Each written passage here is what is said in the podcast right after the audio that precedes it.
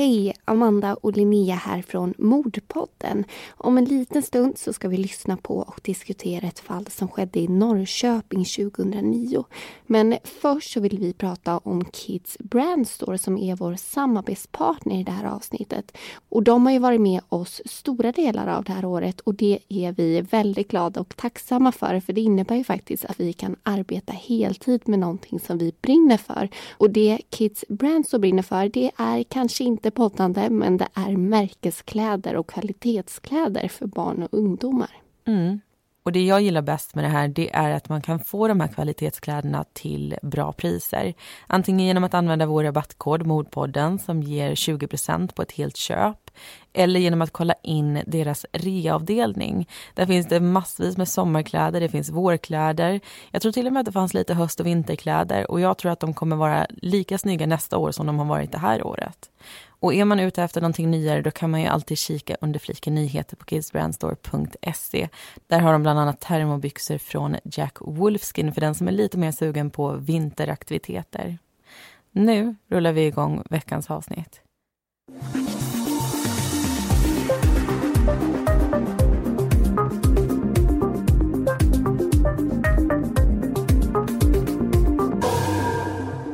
I slutet av mars 2009 blir en butiksägare i Göteborg utsatt för ett rån. Han får en kniv mot sin strupe.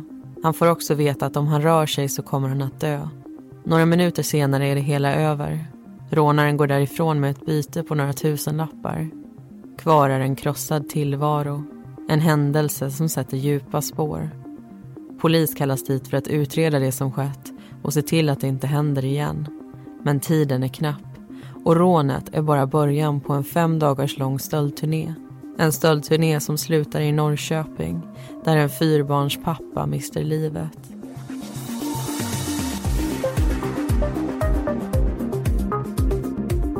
Du lyssnar på Mordpodden och i säsong 8 tar vi upp fall från Östergötland. I veckans avsnitt ska du få höra berättelsen om kioskmordet.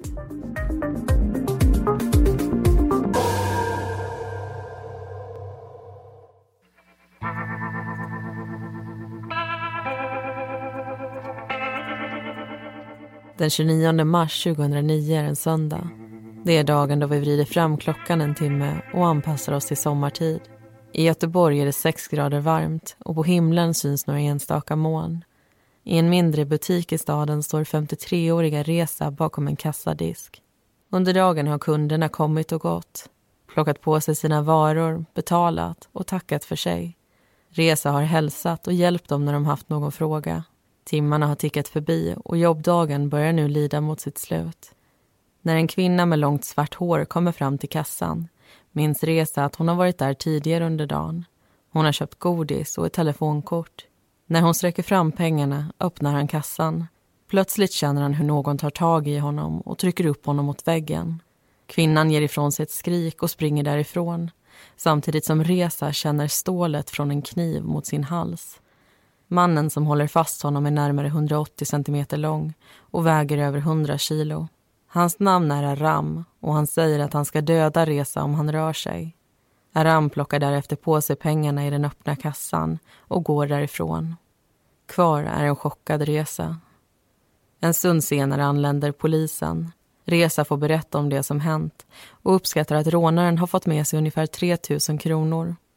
Han berättar också att mannen som hoppat på honom stått utanför butiken en stund innan han gått in. Även kvinnan med det långa håret får berätta om sina iakttagelser då hon kommer tillbaka för att hämta en plånbok hon tappat under rånet. Hennes namn är Sara och hon är 22 år. Men när polisen frågar henne vad hon heter och vad hon har sett så uppger hon falska uppgifter. Sara föds 1986 i Kurdistan hon kommer till Sverige som tolvåring och flyttar in hos sin syster i Norrköping. Systern blir som en mamma för henne då hennes riktiga mamma är kvar i hemlandet. Då Sara går ut nionde klass börjar hon jobba i en livsmedelsbutik. Livet flyter på en tid, men 2005 så stannar det plötsligt upp. Sara får genom sin bror reda på att mamman är svårt sjuk. Den nu 19-åriga tjejen tar beslutet att åka hem. Men då hon kommer fram inser hon att allt varit en lögn. Hon har blivit ditlockad av en specifik anledning. Hon ska giftas bort. Mannen är betydligt äldre än Sara och hon har ingen lust att spendera livet med honom. Hennes åsikter spelar dock ingen roll. Giftermålet blir av vare sig hon vill det eller ej. Den 11 maj samma år kontaktar hon socialtjänsten i Sverige. Hon berättar sin historia och hur brodern tagit hennes pass. Hon vill lämna landet men kan inte utan hjälp. Det tar tid. Men den 18 maj 2006 ansöker hon om ett främlingspass på svenska ambassaden i Iran. Passet beviljas och lite mindre än två år efter resan ner så är hon tillbaka i Sverige. 1998 är inte bara året då en 12-årig Sara reser till Sverige. Det är också året då en 19-årig Aram gör en liknande resa. Aram kommer också ifrån Kurdistan och har där arbetat som polis. Men när han lämnar landet så är inte Sverige hans destination utan Nederländerna. Enligt Aram så spenderar han 12 år där. Han arbetar som chaufför för piloter och kör även taxi. Under sju års tid så tränar och tävlar han dessutom i bodybuilding. 2008 är han i Sverige för att hälsa på sin bror och pappa. Det är så han får kontakt med Sara. Hon bor nämligen granne med pappan och lär därigenom känna både Aram och hans bror. Efter en tid bestämmer sig Aram för att stanna i Sverige och arbeta. Han flyttar in hos brodern som i sin tur gifter sig med Sara. Det funkar ett tag att bo tillsammans alla tre, men sen spårar det ur. I mars 2009 anmäler Sara sin man för misshandel och han grips. Några dagar senare tar hon tillbaka sina ord. Men Arams bror släpps inte fri utan tas till ett av Migrationsverkets förvar i väntan på utvisning. En kort tid senare gör Sara en ny anmälan. Den här gången gäller det en våldtäkt och hon pekar ut Aram som skyldig. Aram grips och en förundersökning drar igång. Men bara fyra dagar senare så släpps han fri och utredningen läggs ner. Då han kommer ut är Sara försvunnen. Hon har flyttats till ett av kvinnojourens boenden. Att någonting inte står rätt till är lätt att förstå. Men trots polisanmälningar, skyddat boende och försök att hålla Sara och Aram isär så hittar de tillbaka till varandra. Och att de båda två befinner sig i Resas butik den 29 mars är ingen slump. Inte heller är nästa rån. Kvällen den 30 mars arbetar Goran extra i en butik i Göteborg. Ägaren är nästan alltid där, men den här kvällen är ett undantag. Vid ett tillfälle kommer en kvinna och en man in i butiken. Sara och Aram. Sara köper en godisbit och Goran slår in det i kassan. Ungefär en timme senare är paret tillbaka. Sara frågar vart de har schampo och Aram pockar på hans uppmärksamhet vid filmhyllan. Då Goran är på väg mot kassan känner han hur han träffas av flera hårda slag. Aram tar ett grepp om hans hals och trycker upp en kniv intill. Han förklarar att han tänker döda Goran och tvingar in honom i butikens kylrum. Aram säger att han har gjort det förut. Dödat. Två personer. Och Goran kommer bli den tredje. Efter hotet dyker Sara upp i dörröppningen. Hon har tömt kassaapparaten på pengar och berättar att dörren är låst. Men de är inte klara. Goran förs in på kontoret härnäst. Där står ett kassaskåp som innehåller fredagen, lördagen och söndagens dagskassor. Närmare 40 000 kronor. Goran förklarar att han inte har nyckeln och därför inte kan öppna det. Men det måste ha varit olåst, för i nästa stund så ser både han och Aram hur Sara får upp dörren. De tömmer skåpet på pengarna och gör sig redo för att gå därifrån. Innan de lämnar gården vänder sig Sara mot honom. Hon säger att nämner han deras namn så kommer de att döda honom.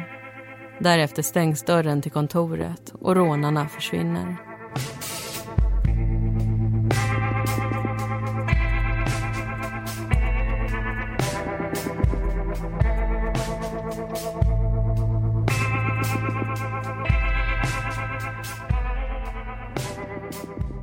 Då hoppar vi in i studion och kör igång den första diskussionen i det här fallet. Och vi ska prata om Sara och Aram, alltså de två som utför de här rånen. Och vi har hört en del bakgrund kring båda de här personerna men det är inte så lätt att få koll på hur det egentligen ligger till till 100 procent.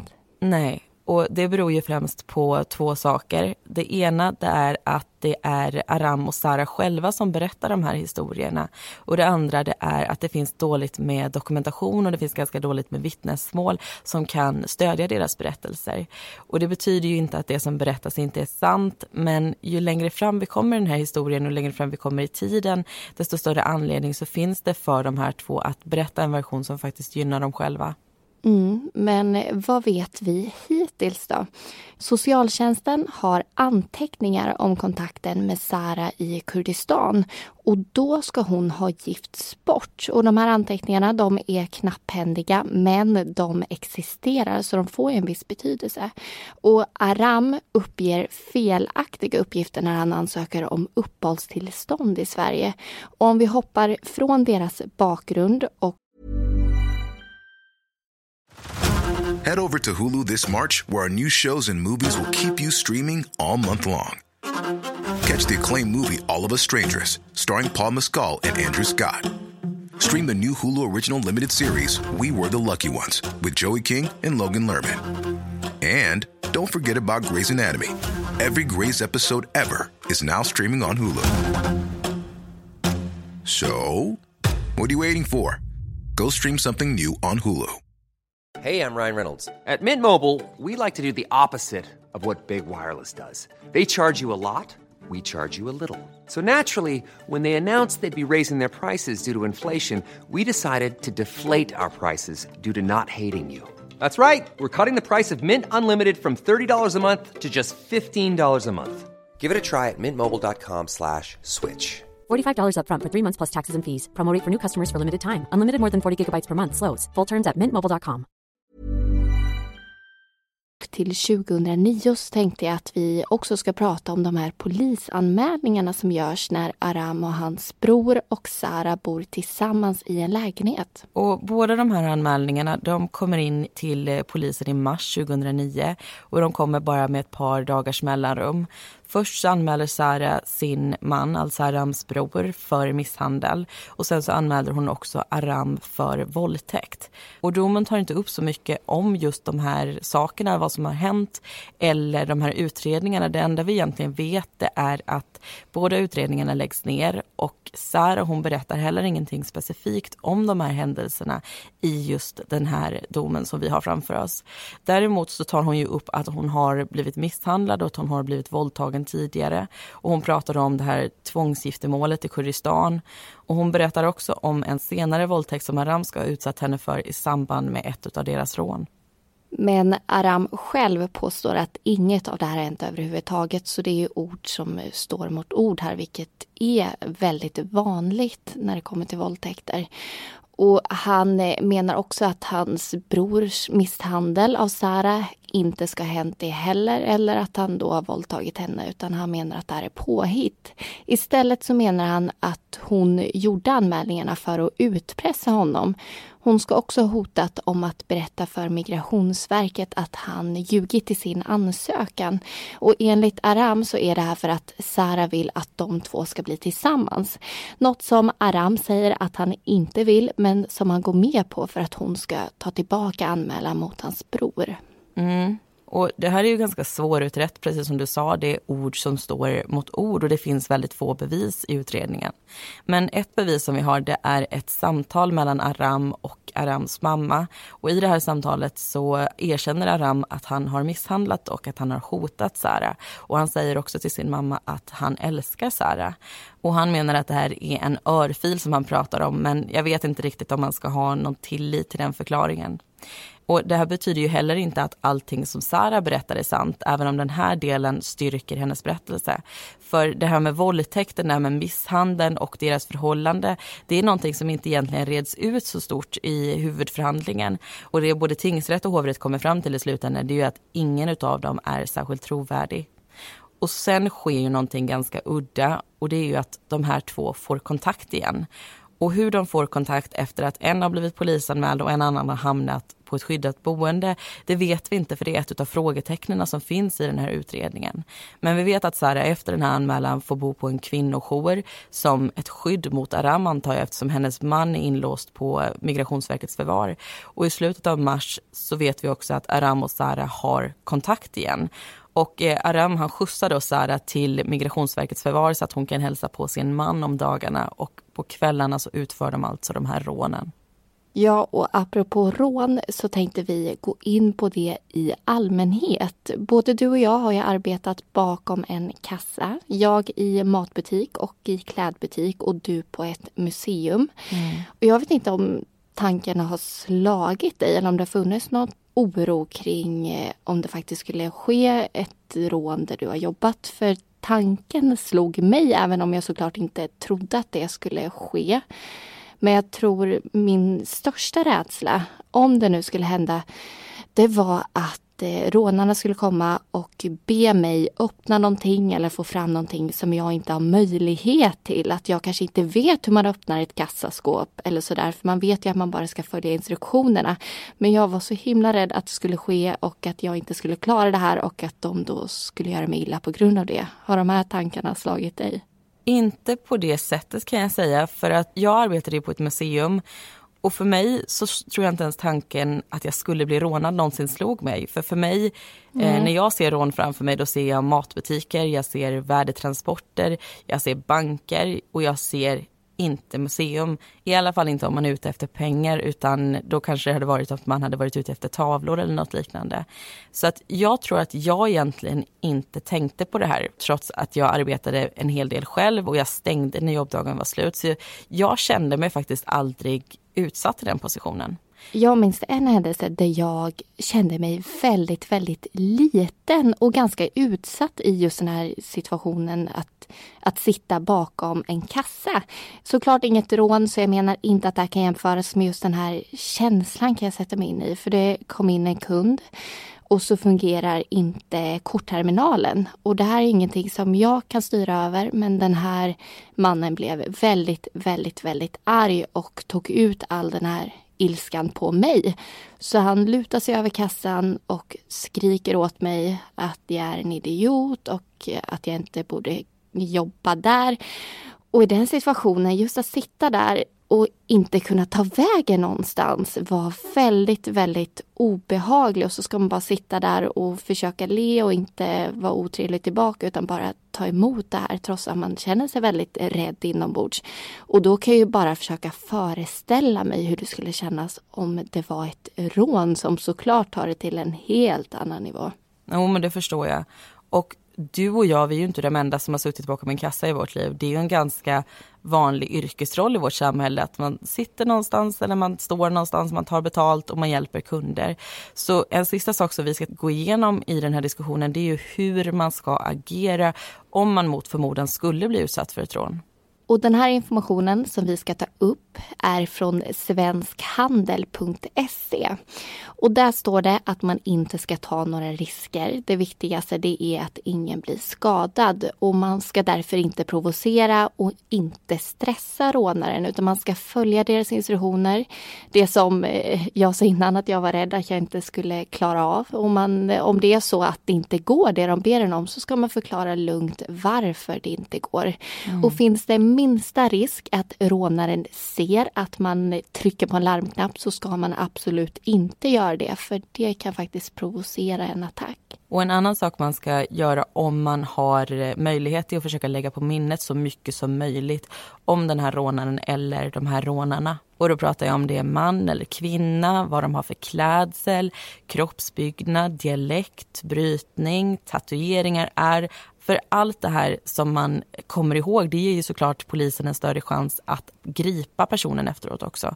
Och när allting är över och rånarna har gått därifrån, då är det till polisen som du ska höra av dig omedelbart.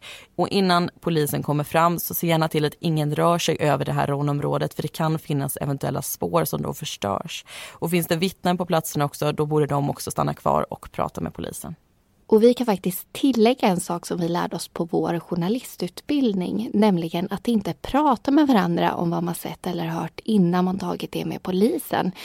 Och det är för att vi helt enkelt kan påverka så mycket av någon annans historia att vi omedvetet ändrar vår egen.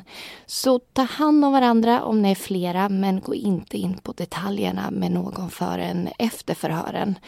Och nu ska vi hoppa tillbaka lite i tiden och till Sara och Aram och se saker från deras perspektiv.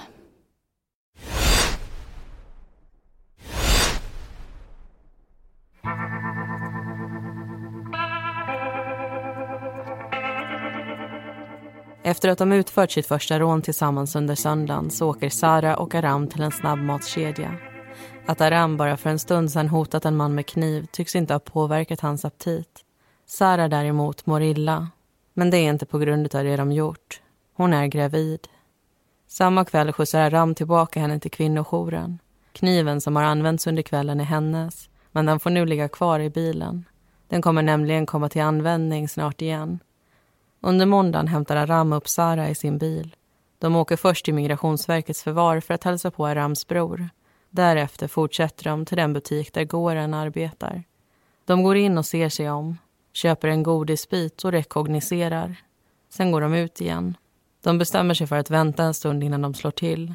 Enligt Aram ställer de sig vid ett hus i närheten. Men Sara berättar om ett annat händelseförlopp. Att de kör därifrån och hamnar på en parkering. Aram ska därefter ha flyttat sig till baksätet och försökt få henne med sig. När hon inte kom självmant så tog han tag i hennes hår och drog. Därefter tvingade han sig på henne, slog och våldtog. När det var över åkte de tillbaka och rånade butik nummer två. Tisdagen den 31 mars åker Sara och Aram och köper kläder. Enligt honom handlar hon för 6 000 kronor. Enligt henne köper hon bara en tröja och ett par byxor. Efteråt hamnar de vid ett bostadsområde på hissingen där det ligger ett snabbköp. Ägaren heter Malik och han har drivit affären i ungefär fyra år. Dörrarna öppnar klockan tio på morgonen och stänger igen klockan tio på kvällen.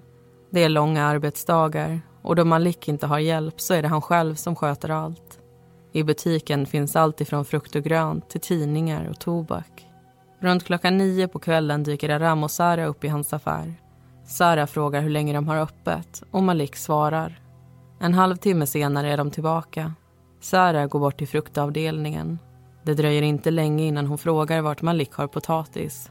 Malik går fram för att visa henne vart den ligger när han blir påhoppad bakifrån av Aram. Han känner en hand och en kniv mot sin hals och hör hur Aram säger att han ska dö. Malik dras bort till kontoret i butiken och tvingas ner i en soffa. Han säger åt dem att ta det som finns i kassan och lämna butiken. Men Aram säger åt honom att hålla tyst. Sara är ute i butiksdelen och letar efter den nyckel som går till ytterdörren.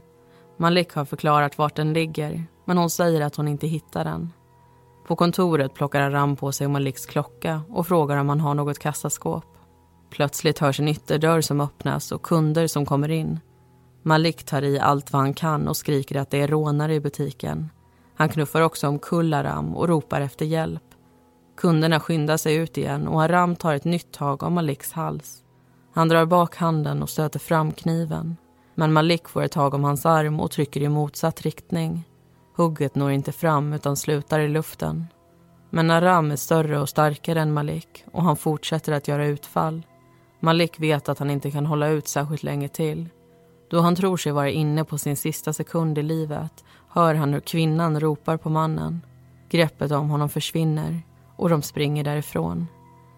Två dagar senare, den 2 april, tar Aram och Sara bilen till Norrköping. Sara visar Aram runt i Hageby. Hon pekar ut platsen där hon har bott tillsammans med sin syster och en kiosk där de brukade handla. De går in i kiosken och köper tuggummi eller godis. Sen åker de till centrum och äter mat på en restaurang. När de är tillbaka i Hageby igen går de mot kiosken. Sara tar upp en kundkorg och börjar plocka på sig varor. Vid godishyllan stöter hon ihop med Aslan som äger butiken. Han känner igen henne från tiden då hon bodde i Norrköping och påpekar att det var länge sedan sist. Han frågar vart hon varit och hur hon har det. Det är sån Aslan är. En storhjärtad, snäll och glad människa. Egenskaper som har gjort honom till en bra pappa till fyra barn. Men Sara hinner aldrig svara på hans fråga innan Aram attackerar. En bit därifrån är en man ute och cyklar. Han närmar sig Aslans kiosk. När han passerat den hör han plötsligt ett skrik. Det låter som att det kommer från någon av våningarna över butiken och det följs snart upp med ett rop efter hjälp. Cyklisten vänder för att se vad det är som står på. Han hinner inte fram till kiosken innan han ser Aslan komma utrusande därifrån. Han är blodig och kommer bara en bit innan han faller ihop. Cyklisten skyndar sig fram och känner efter en puls. Samtidigt rycks kioskdörren upp ännu en gång och en man och en kvinna kommer utspringande. Han hoppar upp på cykeln igen och cyklar efter dem. Han skriker på dem och frågar vad de har gjort. Plötsligt vänder de sig om. Mannen ser vansinnig ut och har en kniv i sin hand. Han säger något som cyklisten inte förstår och skär sedan sönder hans däck. Det är tydligt att de menar allvar och cyklisten backar och tar sig tillbaka till Aslan. En ambulans anländer och Aslan körs till sjukhuset. Sara och Aram försvinner bort i kvällsmörkret. De tar bilen tillbaka till Göteborg samma kväll. Sara vill bli lämnad vid kvinnojouren men det tycker inte Aram är en bra idé. De åker därför till ett hotell och tar in på ett rum. Genom text-tv får de veta att Aslan inte överlevt. I Norrköping har en förundersökning precis inletts. Den närmaste tiden kommer vittnen i området förhöras och brottsplatsen undersökas. Området intill kiosken spärras av med polistejp och en kriminaltekniker får se sig om i kiosken. Det första han lägger märke till är hur trångt det är. Kiosken är inte särskilt stor, men varenda yta används så gott det går. Hyllorna sträcker sig från golvet och uppåt. Gångarna däremellan är smala. Framför kassadisken står en kundkorg på golvet. På ett såspaket som ligger där i ska man senare få fram fingeravtryck från Sara. Kassaapparaten är stängd och den senaste transaktionen har ägt rum 1941. Nio minuter innan polisen mottog sitt larm och 19 minuter till stängningsdags. Inget i butiksdelen tyder på att det skett ett slagsmål där. Allt står precis där det ska stå. Lokalen består också av ett kontorsutrymme, tillhörande pantry och en annan väg in. På kontoret har en omkullvält pall rivit upp en tavelduk. Man hittar också blodspår. Det mesta är koncentrerat till ett handfat och passagen mellan kontoret och affären. Vid en dörr finns en blodpöl och ett blodigt handavtryck. Avtrycket kommer från Aram. Dagarna efter mordet på Aslan går polisen ut med information i flera medier. De berättar att det är en man och en kvinna som eftersöks och de har ett signalement. Sara, som är 22 år, beskrivs som en kvinna i 25-årsåldern med mörkt hår och som vid tillfället varit klädd i en yllejacka. Aram tros vara i 40-årsåldern men är i själva verket 29. Han beskrivs som tunnhårig och kraftigt byggd. Under en månad så försöker polisen få tag i Sara och Aram utan att lyckas. Genombrottet kommer när kollegorna i Göteborg hör av sig och berättar om tre rån med ett liknande tillvägagångssätt. Även där söker man efter en man och en kvinna. En ovanlig kombination gällande rånare. Och den 8 maj så kan de gripas.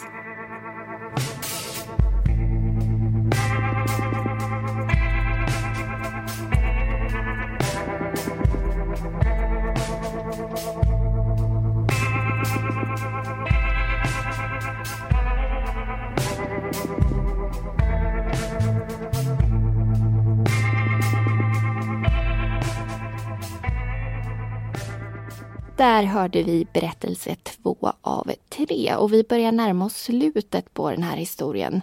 Vi har fått höra att Aslan miste livet och att Sara och Aram nu har gripits. Men det finns fortfarande ett par frågor kvar att besvara. Ja, och en av de största frågorna det är väl för eh, polisen vad det är egentligen som har hänt i den där kiosken. Vem det är som har dödat Aslan, varför man har dödat Aslan och om både Sara och Aram har varit drivande i rånet och också mordet eller om det endast är en av dem som har varit det.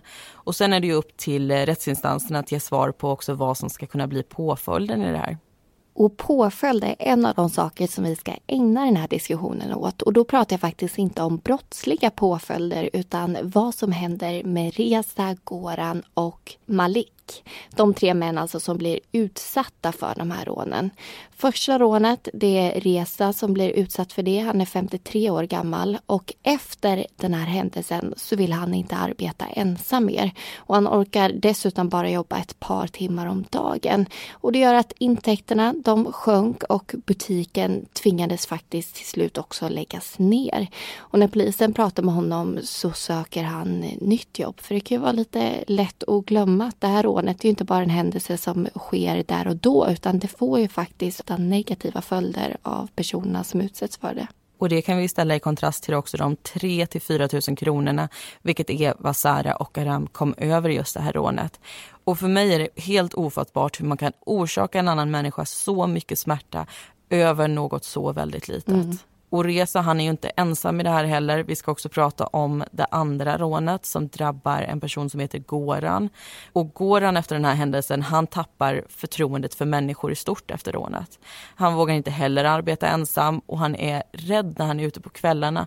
För ibland så känner han att det är någon som förföljer honom. Och där kom rånarna över ungefär 40 000 kronor och några cigarettpaket. Och det tredje rånet ska vi också ta upp som drabbar Malik. Och där använder man mer våld än vad man gjorde i de tidigare rånen. Och det här gör att eh, Malik, precis som Reza, bara orkar ha öppet vissa tider. Så det leder också till att den här butiken stängs. Malik pratar med psykolog och kurator och och eh, lider efter det här av posttraumatiskt stresssyndrom. Och alla de här följderna, det kan man eh, jämföra med vad rånarna kom över som var en klocka och runt 12 000 kronor. Och när man blir utsatt för ett brott av den här typen så finns det ju att man kan söka skadestånd efteråt och det gör ju de allra flesta. Och det skadestånd som de här männen får, alla tre får skadestånd, eh, men det varierar från 20 000 kronor till 70 000 kronor. Och det som för mig var väldigt ögonöppnande med att läsa det här, det var att man bedömer så väldigt olika vem som får vad. Och det handlar inte om hur hårt de här människorna har drabbats av det som har hänt, utan det handlar om vad som går att bevisa. Och jag förstår att man måste ha någon typ av kontroll men i det här fallet känns det som att det har blivit lite fel. För varken Resa eller Goran sjukskriver sig. En egenföretagare utav dem, en annan jobbar extra. Jag kan tro att det har någonting med det att göra. Jag är egenföretagare, du är egenföretagare. Jag sjukskriver mig aldrig när jag är sjuk för jag har sju dagars karens. Men i det här fallet så betyder det att det hålls emot de här männen, att de inte har uppgifter på att de har mått så pass dåligt att de har varit tvungna att sjukskriva sig. Nej, och de har ju heller inte sökt någon läkarkontakt och därför får de heller ingen som kan styrka det de varit med om på ett medicinskt sätt. Och det gör att de får lägre ersättning. Och både Reza och Malik driver egna företag och båda de här läggs alltså ner. Och det är ju inte samma sak som att förlora ett jobb riktigt för då kan man ju ja, inom citationstecken bara söka nytt jobb. Men företag, det tar ju faktiskt år att bygga upp. Det vet ju både du och jag av erfarenhet. Mm. Men där ersätts ju ingenting. Nej. Och nu när vi ändå är inne på ämnet så tänker jag att vi ska fördjupa den här diskussionen ännu mer gällande just skadestånd. Vi vet ju av anhöriga sedan innan att det här är en väldigt jobbig process att ta sig igenom. Men idag så tänker jag att vi ska prata om hur det går till när man söker skadestånd. För idag så känner jag det som att den här processen den är nästan någonting som drabbar den som har blivit utsatt för ett brott och deras anhöriga. Och just en skadeståndsansökan den börjar vid polisanmälan. För det är då man ska säga till att man tänker söka skadestånd. Och det kan vara för fysiska skador men det kan också vara för psykiska skador och även inkomstbortfall, resor och begravningskläder kan ju ingå i ett skadestånd. Och det är tingsrätten och det är hovrätten som bestämmer vilket belopp det blir. Och domen skickas sen till Kronofogden. Antingen så kontaktar de den utsatta och frågar om de behöver hjälp med att driva in de här pengarna eller så får man själv ta den kontakten. Men det är ganska vanligt att den dömde inte har tillräckligt med pengar och då får man istället försöka få ut skadeståndet genom ens försäkring eller från Brottsoffermyndigheten. Med andra ord så tar det här lång tid och är ganska krångligt och man får ofta inte ut den summan som bestämts. Och att behöva utsättas för ett brott och sen då på ett sätt straffas med en sån här process är så onödigt rent ut sagt. Och det finns ju faktiskt andra system som vi skulle kunna byta vårt nuvarande svenska system mot också för att undvika att det blir så här. Ett som det har pratats väldigt mycket om det är Norges skadeståndssystem. Och eftersom de har ett ganska liknande rättssystem så hade en överföring utav också det här skadeståndssystemet varit enklare än om vi hade tagit ett ifrån Storbritannien eller ifrån USA till exempel. Och I Norge funkar det som så att det är inte en enskild person som driver hela den här processen utan det är staten i Norge som gör det. De betalar ut skadeståndet direkt till den som har blivit tilldömd det skadeståndet eller inom i alla fall en vecka. Och Sen är det staten som tar hand om processen att kräva igen de här pengarna från den dömda. Och För mig känns det som ett så mycket enklare system de har byggt som får mig att undra varför vi har krånglat till vårt eget så mycket. Och att Sverige skulle byta till ett system som liknar Norges, det har faktiskt varit uppe på tapeten flera gånger men det har aldrig blivit av. Och förutom att du och jag förespråkar det här så finns det också många andra som gör det. Till exempel Hasse Aro, men också människor som arbetar på Brottsoffermyndigheten och på Brottsofferjouren. Men nu har det blivit dags att runda av och lyssna på vad polis och åklagare lyckas reda ut.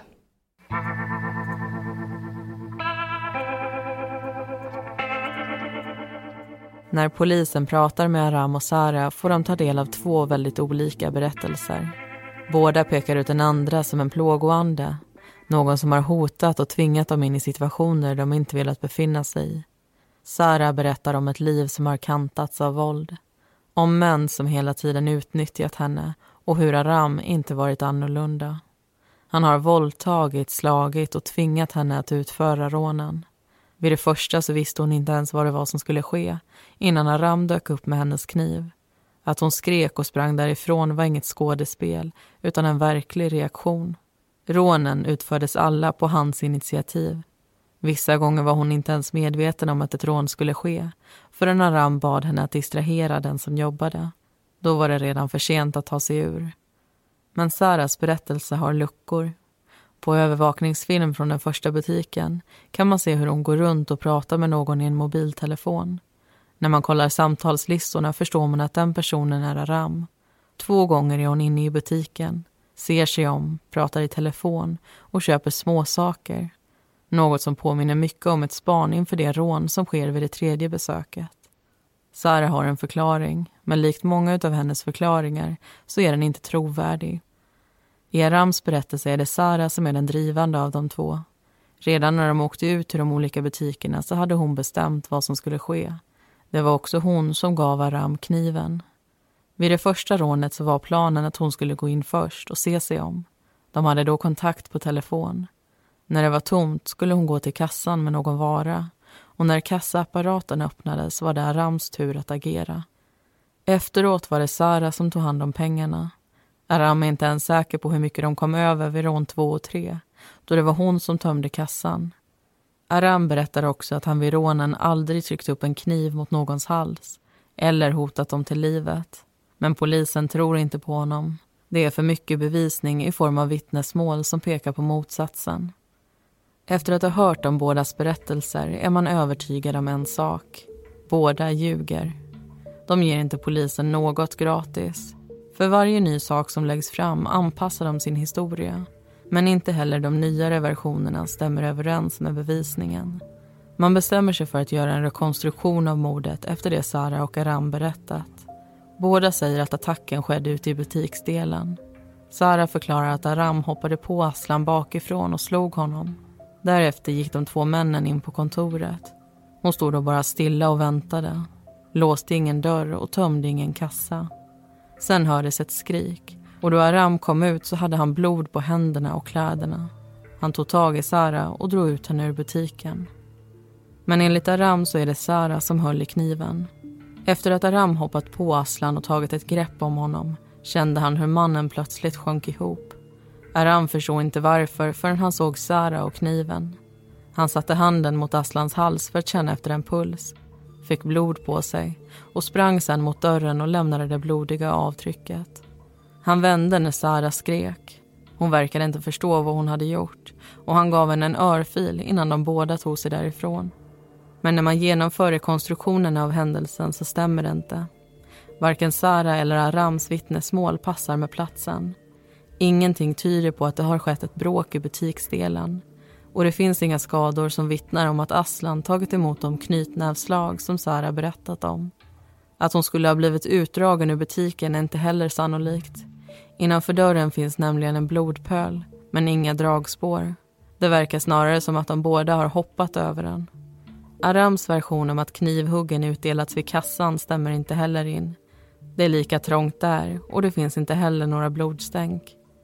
Under huvudförhandlingen pratar man med samtliga rånoffer. Man går också igenom tidigare förhör. Man försöker bilda sig en uppfattning om vem av Aram och Sara som har varit drivande. Reza förklarar att han inte förstod att de utförde rånet tillsammans. Han trodde till en början att Sara bara var på fel plats vid fel tillfälle. Goran har också svårt att röna ut vem av dem som lett rånet. Men han berättar att han fått motta hot från båda. Malik beskriver Aram som märkbart stressad under händelsen. Vid ett tillfälle så skrek han på Sara, som då verkade rädd. Men en stund senare log hon plötsligt. Malik uppfattade henne som lugn och professionell. När Aram hoppade på honom stod hon bara och såg på. Rätten går igenom rekonstruktionerna, vittnesmålen och bevisningen för att reda ut vem som utdelat knivhuggen. De vet att rånen följt ett tydligt mönster. De har inletts med span, Sara har sedan låtsats handla och Aram har attackerat. Att det spårade ur i Norrköping och ledde till ett mord tror man har att göra med att Aslan gjort motstånd. Vid alla tidigare tillfällen så är det Aram som har hållit i kniven. Det är också hans kläder som polisen finner blod på. Och till slut kan man också konstatera att personen som har knivhuggit Aslan är högerhänt. Aram är högerhänt. Sara är vänsterhänt. Tiden mellan det första och sista knivhugget har varit kort och även om Sara skulle ha gått emellan och försökt hjälpa Aslan så hade hon troligtvis inte kunnat påverka resultatet. Man finner därför att hon inte har gjort sig skyldig till mord. Hennes försvar yrkar på ansvarsfrihet eftersom de menar att Sara har agerat i nöd. Men det håller inte tingsrätten med om. Även om hon varit rädd och styrd av Aram så har hon haft flera chanser på sig att avstyra rånen. Hon hade enkelt kunnat stanna i sitt skyddade boende men valde att gång på gång sätta sig i Arams bil. Hon hade också kunnat ringa polisen, men gjorde inte heller det. Under tiden som Sara sitter frihetsberövad föder hon en dotter. Men de första åren av hennes liv kommer Sara missa. I tingsrätten döms hon till tre och ett halvt års fängelse. Men när hovrätten sagt sitt så är straffet nästan det dubbla. Sex års fängelse. Även Aram tar emot sitt straff i de båda instanserna. Men där är de överens. Mordet har präglats av en stor grymhet och det finns inget alternativ förutom livstidsfängelse och livstidsutvisning. Dagen efter mordet på Aslan hålls en minnesstund i den syrisk-ortodoxa Sankta Maria-kyrkan i Norrköping. Vänner och familj samlas för att finna stöd i varandra och säga farväl till en bror, en make och en pappa. En man som har lämnat ett tomrum efter sig och som kommer vara saknad för alltid.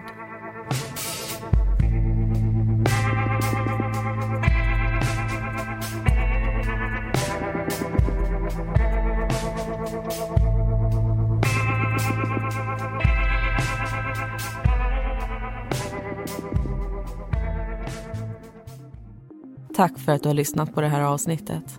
Alla heter egentligen någonting annat och informationen är hämtad ifrån domarna i fallet och ifrån artiklar från Aftonbladet och Expressen. Nästa vecka är vi tillbaka med ett nytt avsnitt och då ska vi berätta om det som hände i Alexander 1999.